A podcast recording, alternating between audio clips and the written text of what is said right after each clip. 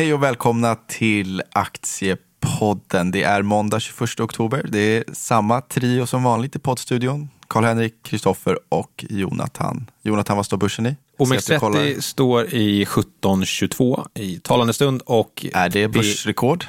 Ja, det är. Alltså, är det 1720 som eh, all time high Ja, ligger tror att vi är på, eller där nu. 1740? Jag tror att vi är uppe och tangerar gamla highs från 2015. Ja, precis. Ska tilläggas kanske att det är, klockan är 15.30.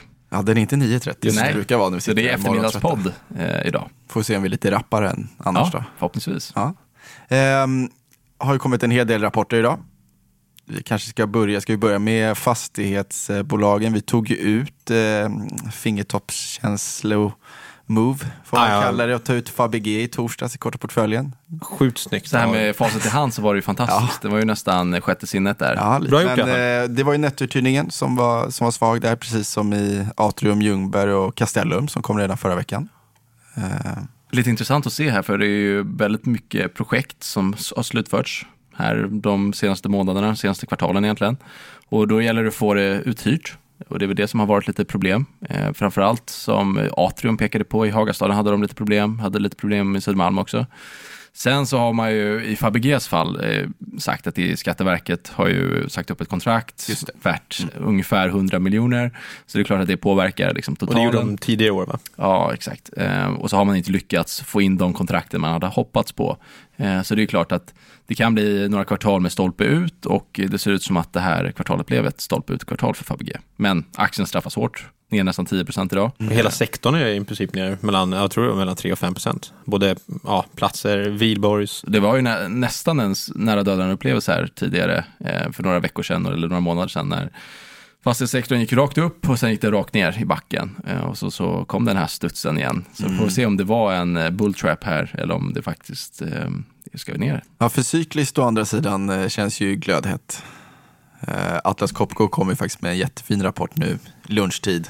Eh, Verkligen. slog förväntningarna på, på alla punkter egentligen. Och flaggar ändå för lite sämre efterfrågan här på kort Ja. sikt. Ja. Men en väldigt stark orderingång ändå. Absolut. Så, Samtidigt så jag, jag tittade lite på de här siffrorna och tittar vi på nedersta raden, vinsttillväxt på 6 någonting, är det någonting att hurra över? Det är inte tvåsiffrigt. Jag tittar faktiskt, tittar, jämför vi med ett år sedan så har kronan försvagats ungefär 7% mot dollarn eh, och mot euron är det ungefär 5 Så i, för ett internationellt bolag som Atlas Copco, visst det kanske är lite klang och jubelkänsla just nu, men eh, frågan är hur starkt det är, eh, givet den backdropen vi har valutamässigt. Då. Sen är det ju ett fint bolag, självklart. Marginalerna är ju väldigt imponerande. Man gör ju det mesta rätt. Man har väldigt fina positioner. Eh, men då är frågan om, om eh, värderingen verkligen är korrekt här i dagsläget. Vad har vi för värdering? Är det P25? Ja, men Ja, det det, den sånt. ligger i alla fall över 20. Ja. I alla fall efter dagen. Det är väl upp 8 procent tror jag. Då. Så. Så den där rusningen, det är ju lite intressant. Men det är ju också återigen förväntningar. Och det känns som att marknaden ville ha upp den. Eh, och det är frågan om det verkligen är det här, eh, ja men, sälj på nyheten som, som gäller i det här caset eller om, om man faktiskt ska köpa på, på, på den här Det är nyheten. svårt att komma ifrån att folk är väldigt eh, positiva helt plötsligt till börsen. Och tänk hur ifrågasättande folk ändå har varit och vi är på all time high. Det är lite Ja, kul. det är helt galet. eh, och, och det är väl lite tecken i tiden, som jag och Jonathan pratade om lite här innan, att eh, man lanserar egentligen QE på all time highs. Det är ju väldigt märklig värld vi lever i egentligen. Alltså att man drar fram samma arsenal som vi gjorde när ja, bankerna var i härdsmälta och ekonomin pekade rakt ner i källaren. Eh, så plockar man fram det nu när kursen ändå är på all time high och vad det säger ändå om desperationen som så många centralbanker bjuder på. Ja, alltså det hade känts så mycket mer logiskt om man hade liksom sett det här QE-programmet på något, något form av stöd på lägre nivåer än på all time high. Liksom. Det, då hade man kunnat köpa det på ett annat sätt. Ja, på dagens nivå det känns det jättemärkligt. Men, men ska, vi, ska vi fortsätta upp då? Man brukar säga att all time high leder till, eh, till nya all time highs. ja, alltså Men det, som Irving Fisher sa 1929 innan kraschen, han sa ju att marknaden har nått en permanent hög platå.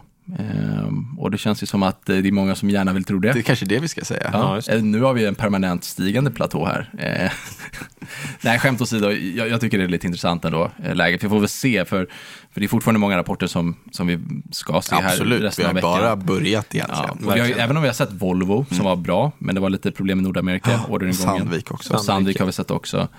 Eh, och Atlas Copco idag då. Eh, så är det fortfarande, ja Ericsson har vi sett också. Och Telia var ju ingen rolig, rolig historia. Så Holmen och lite skog har vi sett också. Ja, Ja. den var bra. Ja. Skogen, det känns för det som att folk har stuckit från fastighetssektorn in i skogen. Ja, verkligen. Det Ja. pratade vi lite om förra veckan tror jag också. Jag såg eh, kortsiktigt här om man kollar historiskt. Om man köper OMX efter att ha gjort all time high så har den eh, innebär en ny all time high 93 procent av gångerna. Faktiskt. Och eh, andelen vinstaffärer man har haft eh, index i två månader och sen gör en exit har varit 76 procent.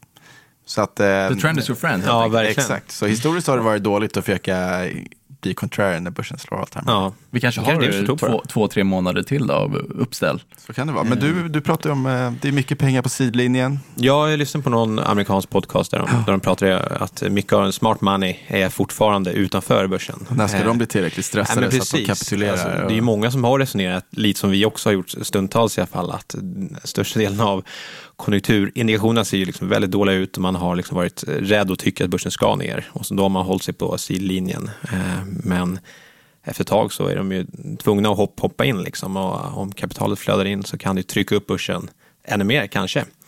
Framförallt om man, nu med som vi pratade om tidigare också, att, att Donald Trump lär ju vilja gå till val med någon form av vinstkänsla med handelskriget mot, eh, mot Kina. Och eh, det kan ju finnas lite potentiella triggers på uppsidan också om man vill vara en optimist. Absolut. Så vi får väl eh, vi får se. Så jag, jag blir alltid bearish crush här, men eh, Det får det vara. Shoot. insiders säljer ju fortfarande, säljer väldigt mycket i USA om man tittar insider-historiken. Och Eh, utflöden ur aktiefonder. Ja, också, precis. Så, så jag menar, ja, det är svårt att veta här. För Mm. om insiders säljer, som ändå har bra insyn i hur rörelserna går, eh, då har man bra koll på global makro. Men det kanske också är en sån här sentimentsindikator, att man, man tänker att det ska gå åt, åt skogen, men eh, ja, vi får väl se. Men det blir ju svårt. Det var ju, vi pratade ju om för, tror jag, för två veckor sedan just hur, hur många centralbanker som stimulerar samtidigt och eh, även finanspolitiska stimulanser. Och om, om vi då kanske kan se en eh, fiskkrok uppåt helt plötsligt i några ledande makroindikatorer, då kanske det räcker. Ja, men Det precis. man Alltså, det ju, Eh. nej, och sen nu var det för sig lite bakslag här under helgen med, med Brexit, men om de skulle kunna ta kliv framåt där igen och lyckas få igenom ett, ett avtal så kan det också vara en, en kortsiktig bra trigger. Liksom. Men man kan väl säga egentligen att börsen fick precis det man ville ha. I alla fall eh, alla Ja. bullsen där ute. Dels fick man det här partiella handelsavtalet mellan USA och Kina. Som nu, de har inte ens skrivit ner på papper Nej. utan det var ju bara ett, muntligt avtal. Får vi se om det kommer hållas. Eh, och sen så fick man QE restart då. Så man har egentligen fått de två faktorerna man vill ha. Eh, och då är frågan, vad, vad, vad ska krävas egentligen för att driva kurserna ytterligare norrut då? I och med att vi har det redan i korten nu. Eh, Det måste ju vara något, som du sa, förhoppningsvis så att det faktiskt syns i den reala ekonomin också. Fiktiv, liksom finansiell ingenjörkonst i all ära, men man måste ju ändå se det i siffrorna för att, för att vi ska kunna köpa tillväxtstoryn. Eh, Och sen så finns det också fickor i, i verkstadsindustrin som ändå ser intressant ut. Som vi har pratat om, Steeptech ser väldigt bra ut.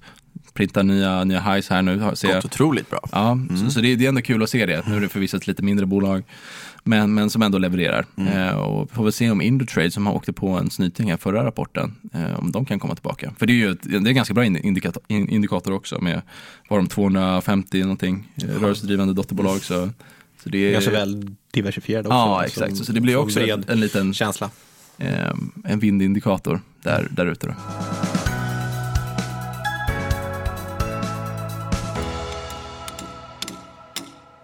Byggmax måste vi prata om också. Ja, så kommer mer rapporter idag också. Som kommer rapport idag den såg ju eh, initialt ganska bra ut. Eh, Q3 förra året var ju väldigt svag av lite engångskaraktär kanske. var dåligt väder, eller för det var väldigt varmt väder. Eh, dåligt väder för dem då. Eh, och den var, resultatet var 16 procent bättre än väntat. Aktien gick upp först, nu är den på minus.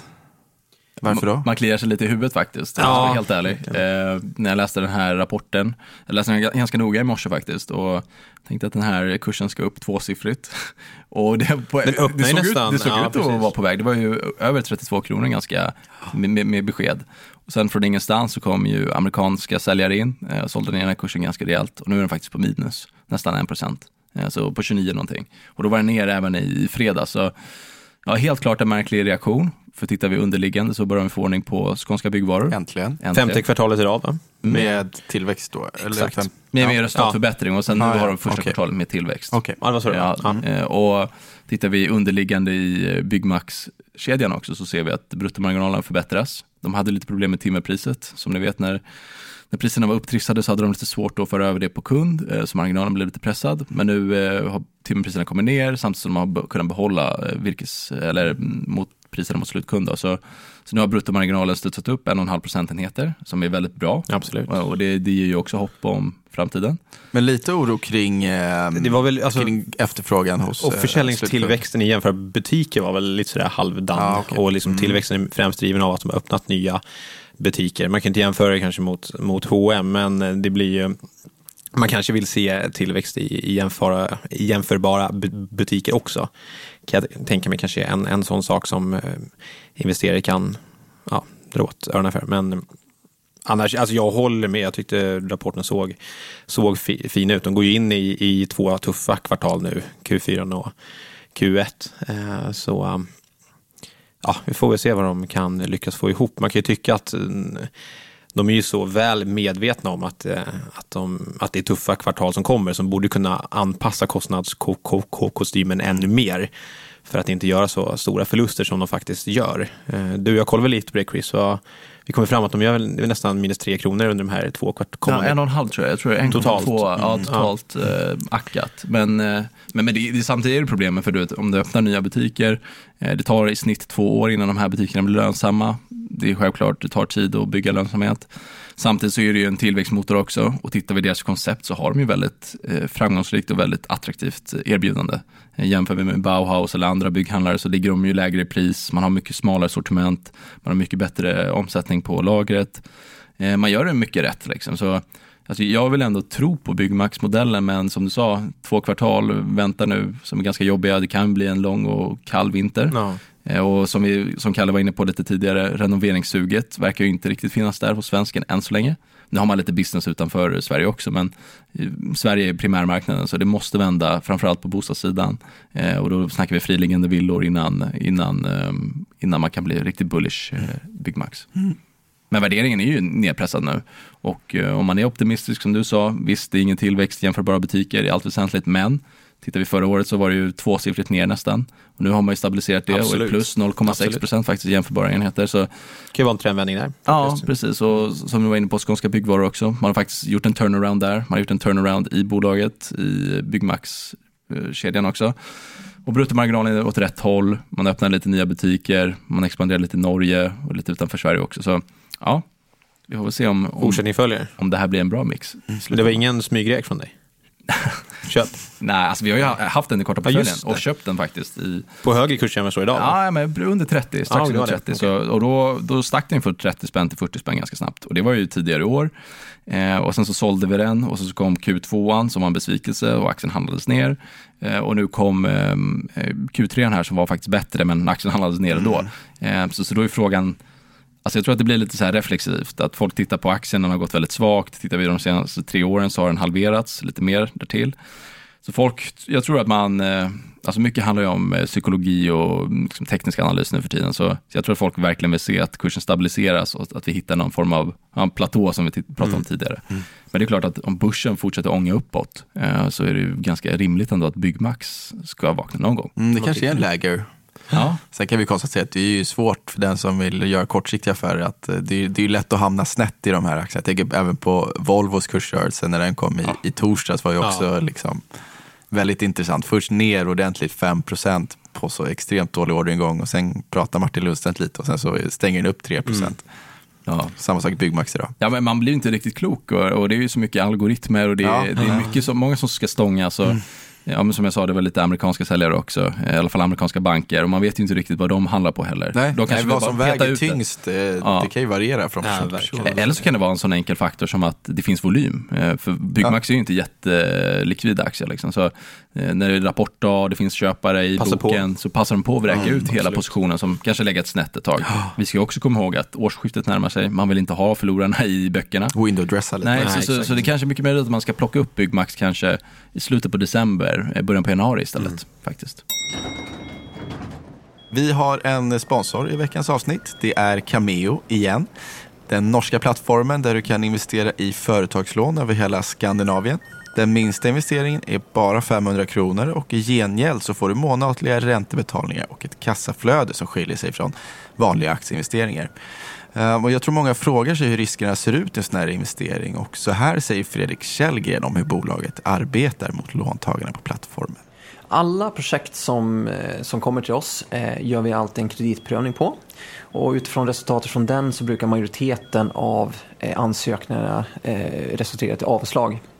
Eh, för de som vi väljer att gå vidare med så tar vår egen process vid. Vi kollar på personer bakom, eh, vilka tidigare projekt de har gjort, lånets säkerhet eh, och liknande parametrar. Och allt det här resulterar i ett kreditbetyg och kreditbetyget sen styr vilken, vilken räntenivå som, som, som lånet får. Avkastningen varierar typiskt sett mellan 5 till 15 procent men ligger i snitt på 9,8 procent per år.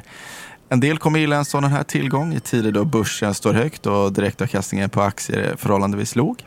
Cameo har över 10 000 investerare och vill man bli en av dem är det bara att gå in på cameo.se och Cameo stavas med K. Tack Cameo! Jaha, Fabege åkte ut, korta portföljen. Vad åkte in? Ett eh, lovande läkemedelsbolag. Hette rubriken. Nej, ett lockande blev Lockande det. blev- Ja, aha, det blev lite va? kortslutning där. Ja, det skulle det. vara lovande, men det blev- lockande. Eh, hur som Budskapet helst, gick fram tror jag. budskapet gick fram och det var ju nästan samma. Oncopeptides, väldigt häftigt namn på ett häftigt bolag med en häftig produkt. Ja, verkligen. Jonathan, du gillar ju också Oncopeptides. Vad, vad tycker Ett du? jäkla tjat på dig har det varit. om. Ja, men alltså, jag har ju, jag har ju följt, eh, följt bolaget typ så här, lite, kanske drygt ett och ett halvt år. När det stod i typ så här, 200 kronor. Vad står ni nu? Ja, jag tror det är nere på 110. Ni plockade in den, det var typ 110 va? Ja, någonstans där. Eh, och liksom vägen från 200 ner hit, om man nu ska se det operativt från, från bolagets håll, så har ju egentligen bara hänt positiva grejer. Och det är ju då i alla fall ett, ett bolag som är verm, verksamt inom multipelt myelom, eh, som är en, en cancerform i, i benmärgen igen, egentligen. Och då, de har ett preparat mot det här som hittills verkar vara väldigt, väldigt effektivt. De har presenterat en del fas 2-resultat som är väldigt lovande, vilket har gjort att FDA till och med har rådgivit dem att eh, försöka få ett accelererat godkännande, vilket de inte själva hade räknat med. Och det här blev de meddelande i våras, tror jag det var. Så nu har fokus varit på att försöka få in den här filingen för att få ett, ett godkännande redan i, eh, under 2020. Vilket då skulle kunna innebära att de får sälja deras preparat mot multipelt myelom i slutet av 2020. Vilket är I Nordamerika. i Nordamerika, vilket är väldigt, väldigt häftigt. Det är inte så ofta FDA ger ut det här, för va- vanligtvis så brukar man ju behöva ha fas 3-resultat för att kunna få ett godkännande. Men de hade så pass bra fas 2-resultat som gör att de eventuellt skulle kunna få det. Ehm, Det är en sak som är väldigt häftigt med det här caset, tycker jag. Och där varierar ju då folk anser att sannolikheten är olika alltså, stor Precis, här. alltså, nej, så här, det, det, om man nu ska se mul- multipelt myelom som, en, eller som den sjukdom som det är, så det är en, en cancerform som gör att, alltså som sitter i benmärgen då helt, helt enkelt. Och man lever egentligen ganska bra. Man, liksom, man tvinar inte bort riktigt som med vanliga can- cancerformer, utan man, man behöver ungefär ha 10 pro- procent av sin, sin benmärg och när man går under den, den gränsen då eh, ja, dör man egentligen väldigt, väldigt fort. Så det blir en tröskel, eh, tröskeleffekt. Exakt, och det innebär ju då att eh, man kan leva ett ganska bra liv under behandling. Och, eh, och det är det som är en, en, en bra del med deras preparat, att de har bra bi, biverkningsprofil. Men om man liksom ska försöka close caset lite snabbt så det man ska hålla koll på, de, de driver typ 4-5 antal studier parallellt och de kommer presentera stor del av deras studier under ett eh, hematologimöte i december. Och det skulle jag säga, skicka med att hålla koll på det. Då kommer de presentera både deras fas 2 och fas 3. Och utfallet i de här studierna blir ganska avgörande för hur stor marknadspotentialen blir för det här pre- preparatet, vilket är eh, ganska spännande att se. Om, de liksom, om det blir positivt utfall i samtliga studier, både fas 2 och fas 3, så har de potential att bli ett riktigt stort läkemedel inom multipelt myelom. Och då, då, då snackar vi liksom en marknadspotential som uppgår till ungefär 100 miljarder kronor årligen. I den breda Eh, nischen. I den breda nischen. om de inte får positivt utfall i samtliga studier så finns det ändå stor sannolikhet till att de kan kommersialisera på ungefär, ja, säg mellan 5 och 6 miljarder tror jag det är ungefär. Vilket också är en stor marknad. Så det blir, det blir spännande att se. Jag kommer hålla koll på Ja. hematologimötet i, I början av december tror jag det är. Ska ju tilläggas också att de har ju gjort ganska många riktade emissioner här under, under våren. och Ja men också, så- verkligen. Så, så de har ju, eh, det är många heavy hitters som är, som är inne i det här eh, och som tror på det. Och förhoppningsvis kanske vi kan få en svensk eh, framgångssaga här. Det var ju länge sedan vi hade Pharmacia, Astra, innan det blev AstraZeneca. Eh, Så förhoppningsvis så, vi håller tummarna. Det är lite mer av en chansning i portföljen. Men vi får se. Spännande. Ska vi avrunda med någon, är det någon speciell rapport som ni ser fram emot extra mycket? Så jag ser fram emot de här lite mindre medtech-bolagen som kommer här kommande veckorna. Exempelvis kommer Elos Medtech imorgon. Det ska bli kul att kika in. Som också finns i portföljen. Just det. Just det, Det finns ska, också. bli, det ska ju självklart bli spännande. Och även kunder i analysguiden. Så uh, Det det, snyggt. kommer analys. Det är snyggt. Men, eh, ja, men jag såg bara listan över bolag som ska rapportera den här veckan och det är ju otroligt många. Eh, Så det kommer bli väldigt intensiva dagar, men det är ju alltid roligt med intensiva dagar och särskilt i rapporttider. Då. Så vi kan ju förvänta oss ganska tvära kast i många papper. Ja, då återstår att se om det positiva humöret kommer att hålla i sig nu. Några veckor till borde vi kunna glida med uppåt i alla fall. Bra, Kul. då säger vi så och så eh, på åter, säger man återseende, Nästa vecka. återhörande. Återhörande kanske. Återhörande. Ja, skitsamma, det blir jättebra. Ja. Fint. Hej! Hej!